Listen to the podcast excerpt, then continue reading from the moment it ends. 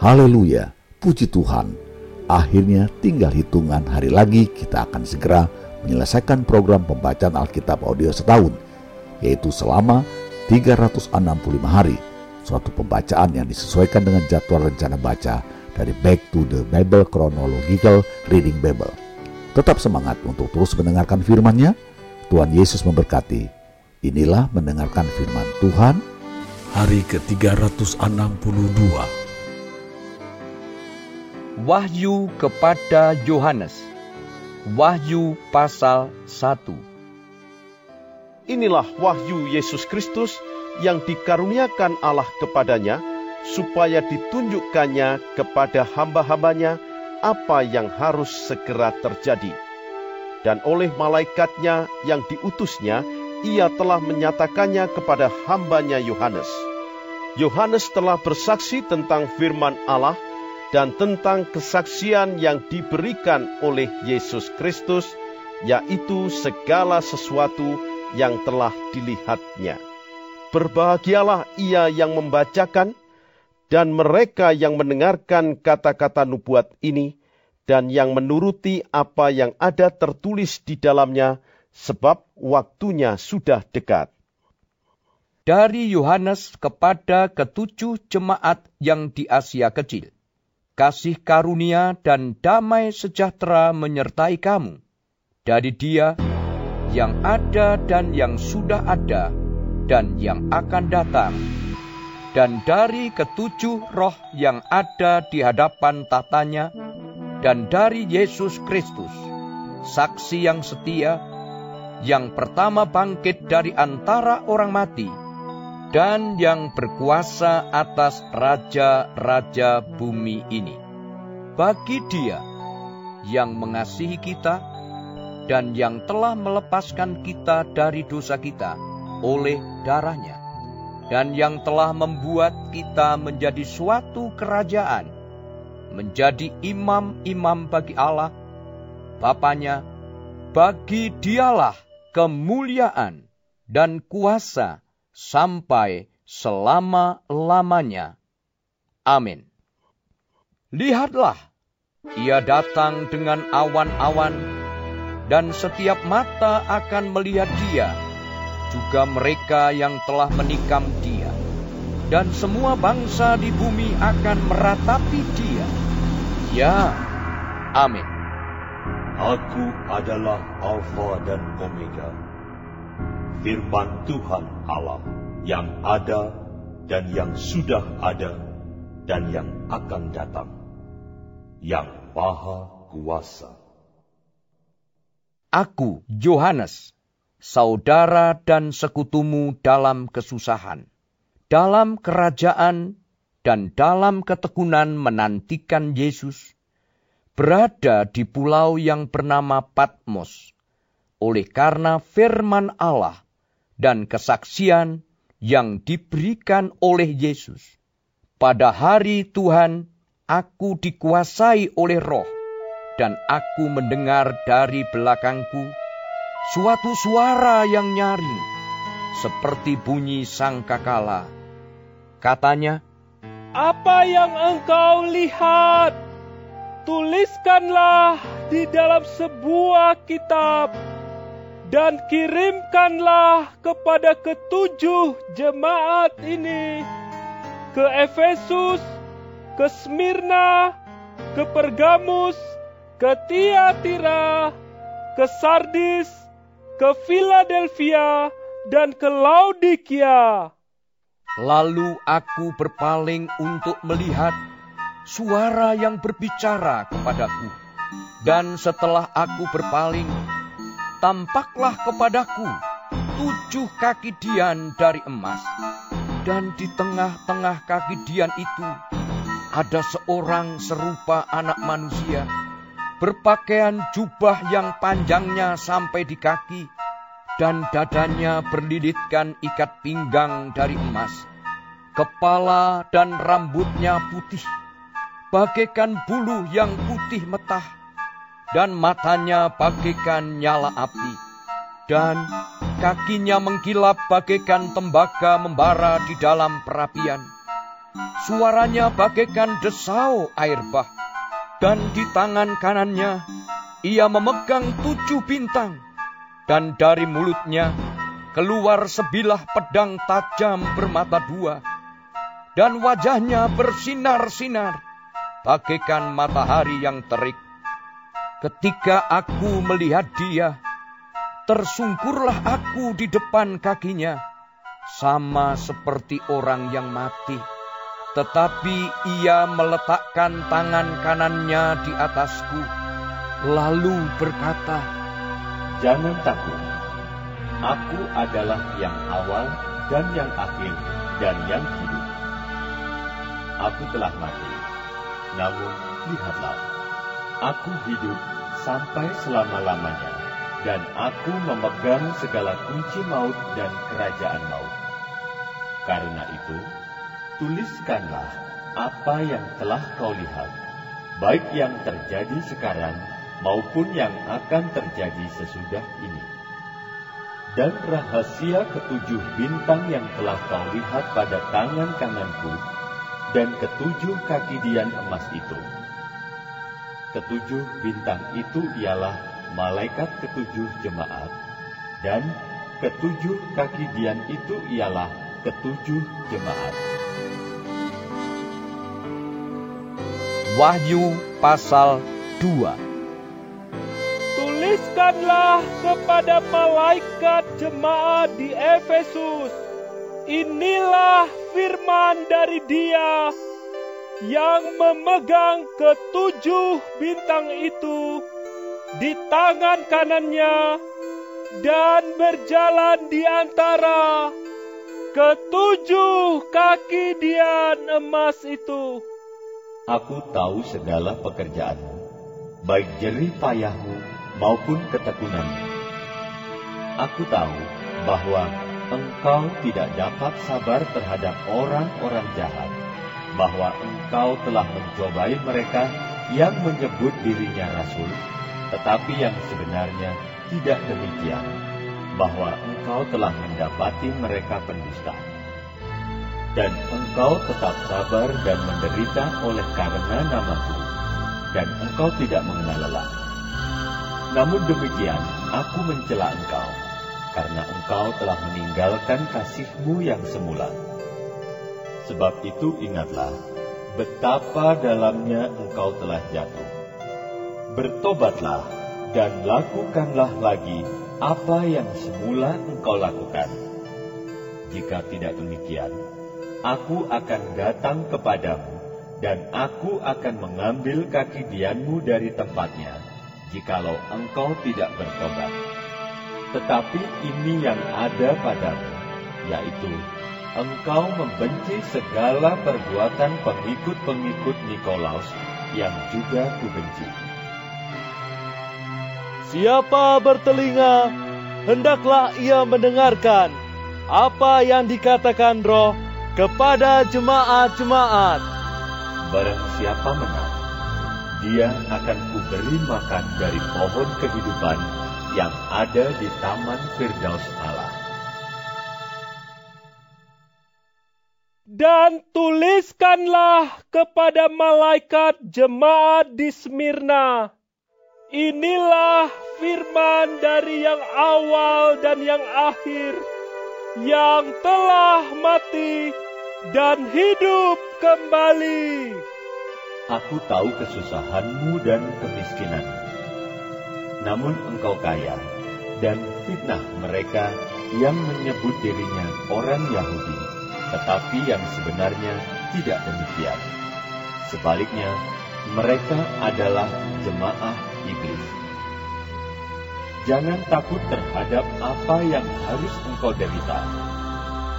Sesungguhnya, iblis akan melemparkan beberapa orang dari antaramu ke dalam penjara, supaya kamu dicobai dan kamu akan beroleh kesusahan selama sepuluh hari. Hendaklah engkau setia sampai mati, dan aku akan mengaruniakan kepadamu mahkota kehidupan. Siapa bertelinga, hendaklah ia mendengarkan apa yang dikatakan roh kepada jemaat-jemaat. Barang siapa menang, ia tidak akan menderita apa-apa oleh kematian yang kedua. Dan tuliskanlah kepada malaikat jemaat di Pergamus, inilah firman dia yang memakai pedang yang tajam dan bermata dua. Aku tahu di mana engkau diam, yaitu di sana, di tempat tahta iblis. Dan engkau berpegang kepada namaku, dan engkau tidak menyangkal imanmu kepadaku, juga tidak pada zaman Antipas, saksiku yang setia kepadaku, yang dibunuh di hadapan kamu di mana iblis diam. Tetapi aku mempunyai beberapa keberatan terhadap engkau.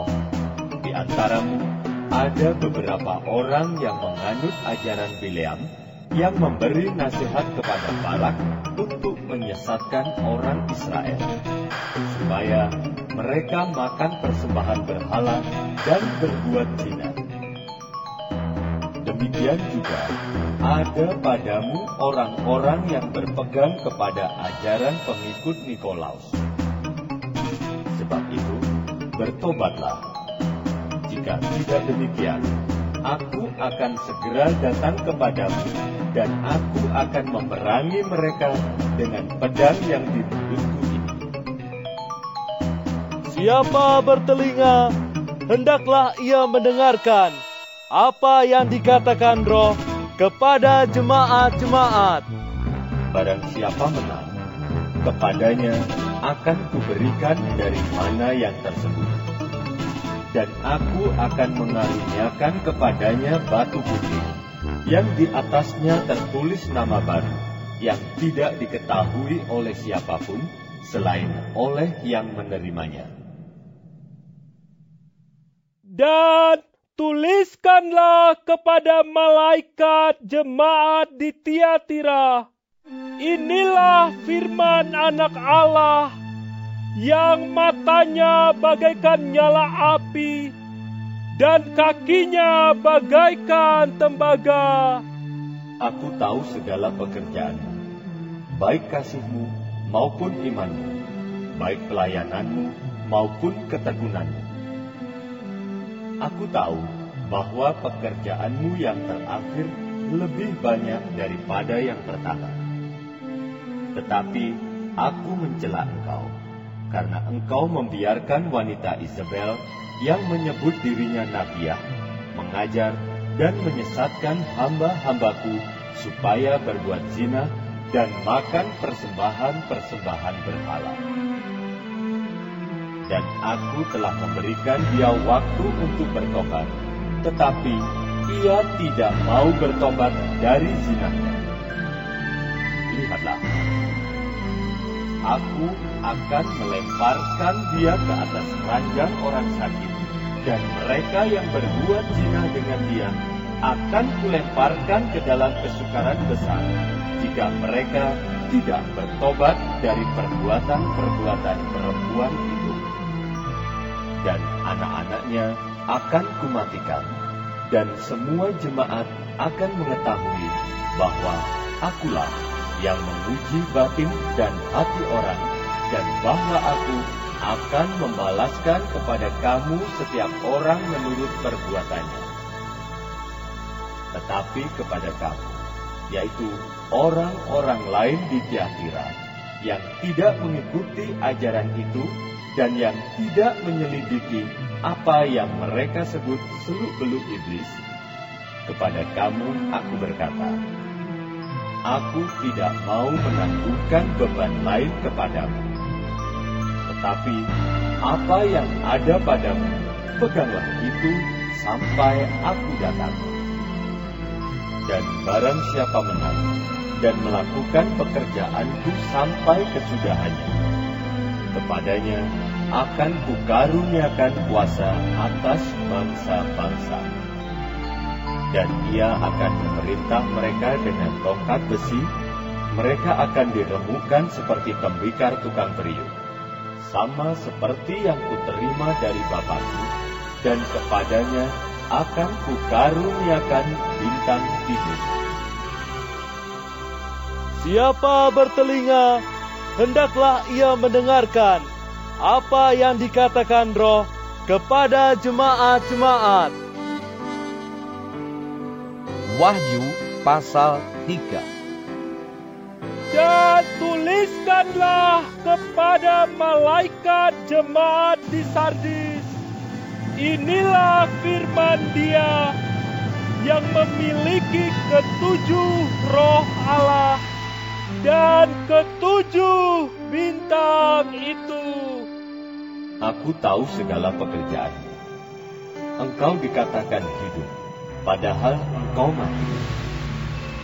Bangunlah dan kuatkanlah apa yang masih tinggal yang sudah hampir mati. Sebab tidak satu pun dari pekerjaanmu aku dapati sempurna di hadapan Allahku. Karena itu ingatlah, bagaimana engkau telah menerima dan mendengarnya. Turutilah itu dan bertobatlah. Karena jikalau engkau tidak berjaga-jaga, aku akan datang seperti pencuri dan engkau tidak tahu pada waktu manakah aku tiba-tiba datang kepadamu. Tetapi di Sardis, ada beberapa orang yang tidak mencemarkan pakaiannya. Mereka akan berjalan dengan aku dalam pakaian putih, karena mereka adalah layak untuk itu. Barang siapa menang, ia akan dikenakan pakaian putih yang demikian. Aku tidak akan menghapus namanya dari kitab kehidupan, melainkan aku akan mengaku namanya di hadapan Bapakku dan di hadapan para malaikatnya. Siapa bertelinga, hendaklah ia mendengarkan apa yang dikatakan roh kepada jemaat-jemaat.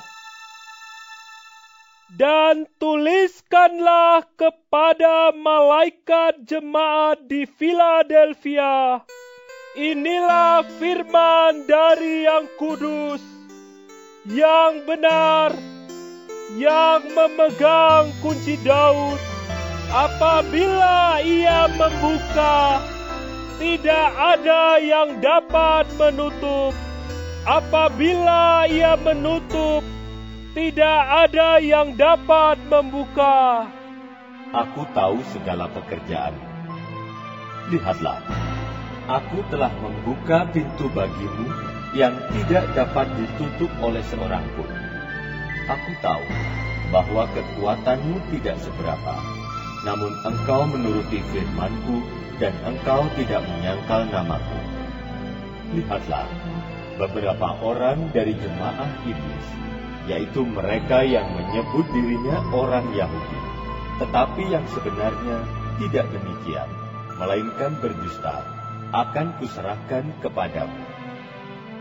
Sesungguhnya, aku akan menyuruh mereka datang dan tersungkur di depan kakimu dan mengaku bahwa aku mengasihi engkau.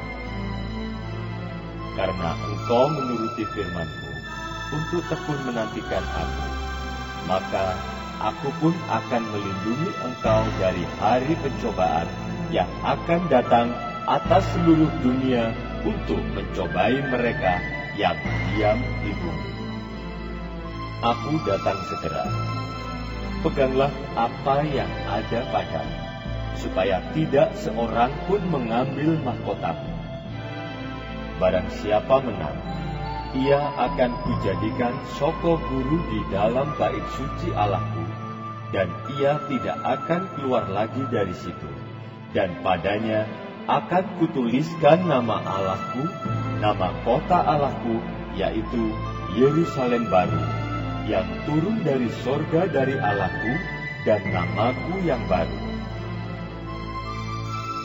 Siapa bertelinga, hendaklah ia mendengarkan apa yang dikatakan roh kepada jemaat-jemaat. Dan tuliskanlah kepada malaikat jemaat di Laodikia. Inilah firman dari Amin, saksi yang setia dan benar, permulaan dari ciptaan Allah. Aku tahu segala pekerjaan. Engkau tidak dingin dan tidak panas. Alangkah baiknya jika engkau dingin atau panas. Jadi karena engkau suam-suam kuku dan tidak dingin atau panas, aku akan memuntahkan engkau dari mulutku.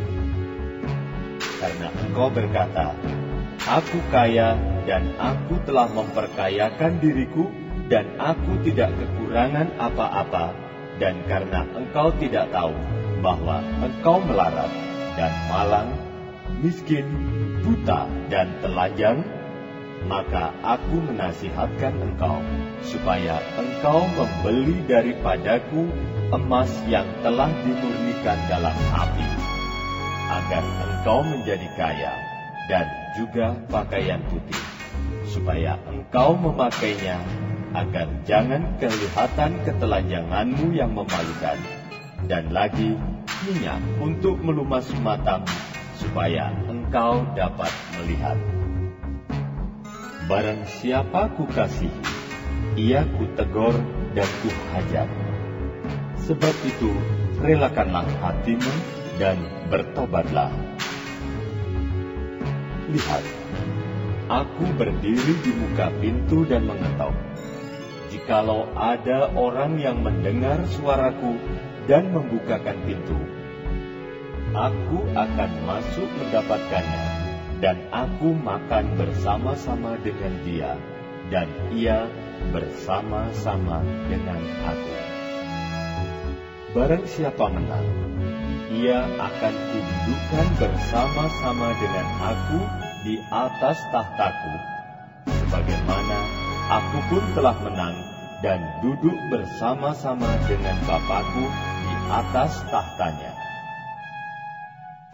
Siapa bertelinga, hendaklah ia mendengarkan apa yang dikatakan roh kepada jemaat-jemaat.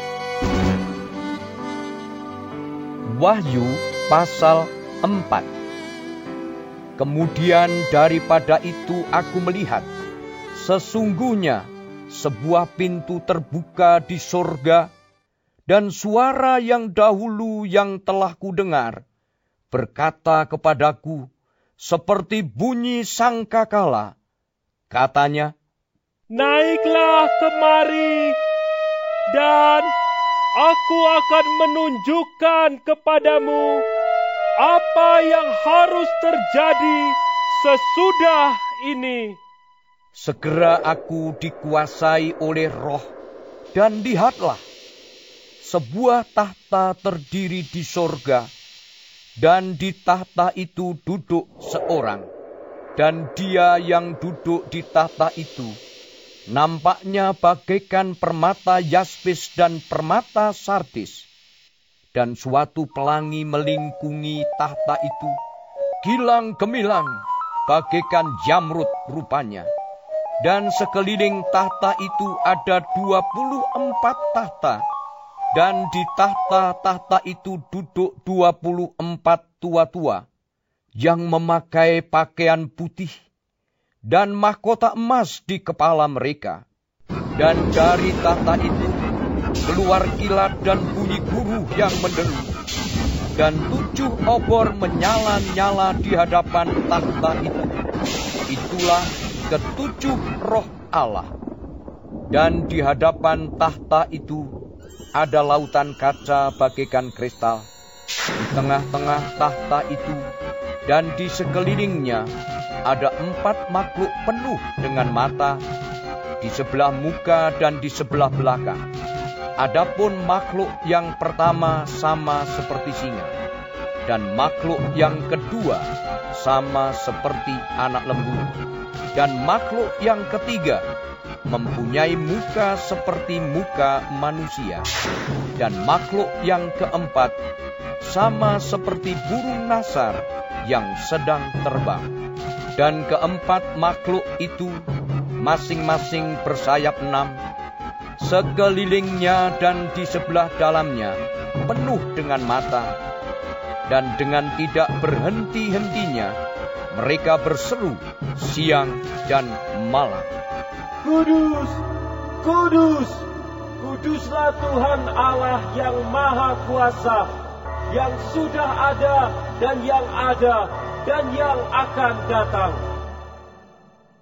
Dan setiap kali makhluk-makhluk itu mempersembahkan puji-pujian dan hormat dan ucapan syukur kepada Dia yang duduk di atas tahta itu dan yang hidup sampai selama-lamanya, maka tersungkurlah kedua puluh empat tua-tua itu di hadapan Dia yang duduk di atas tahta itu dan mereka menyembah Dia yang hidup sampai selama-lamanya.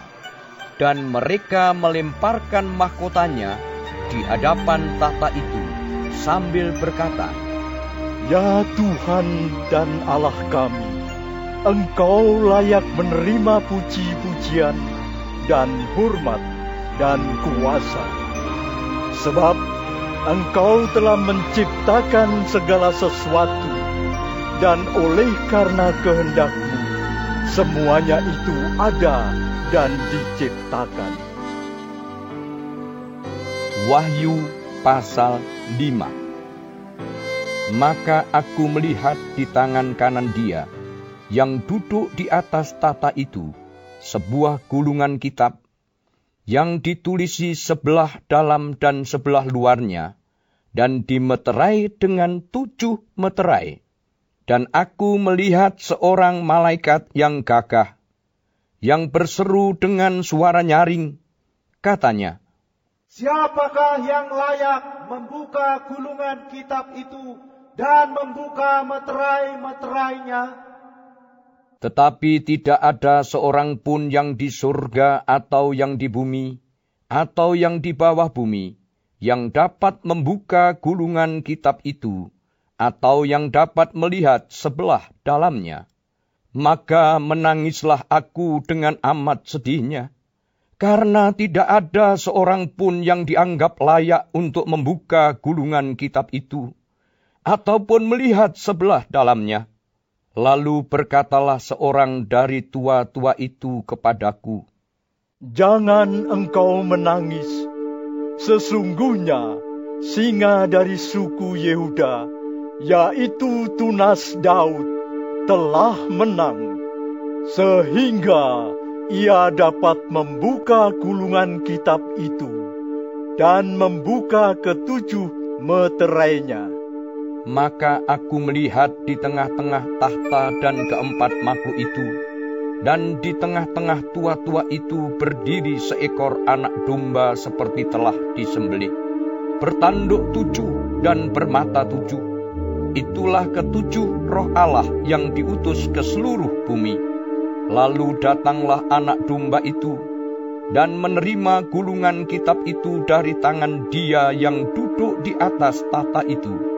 Ketika ia mengambil gulungan kitab itu, tersungkurlah keempat makhluk dan kedua puluh empat tua-tua itu di hadapan anak domba itu.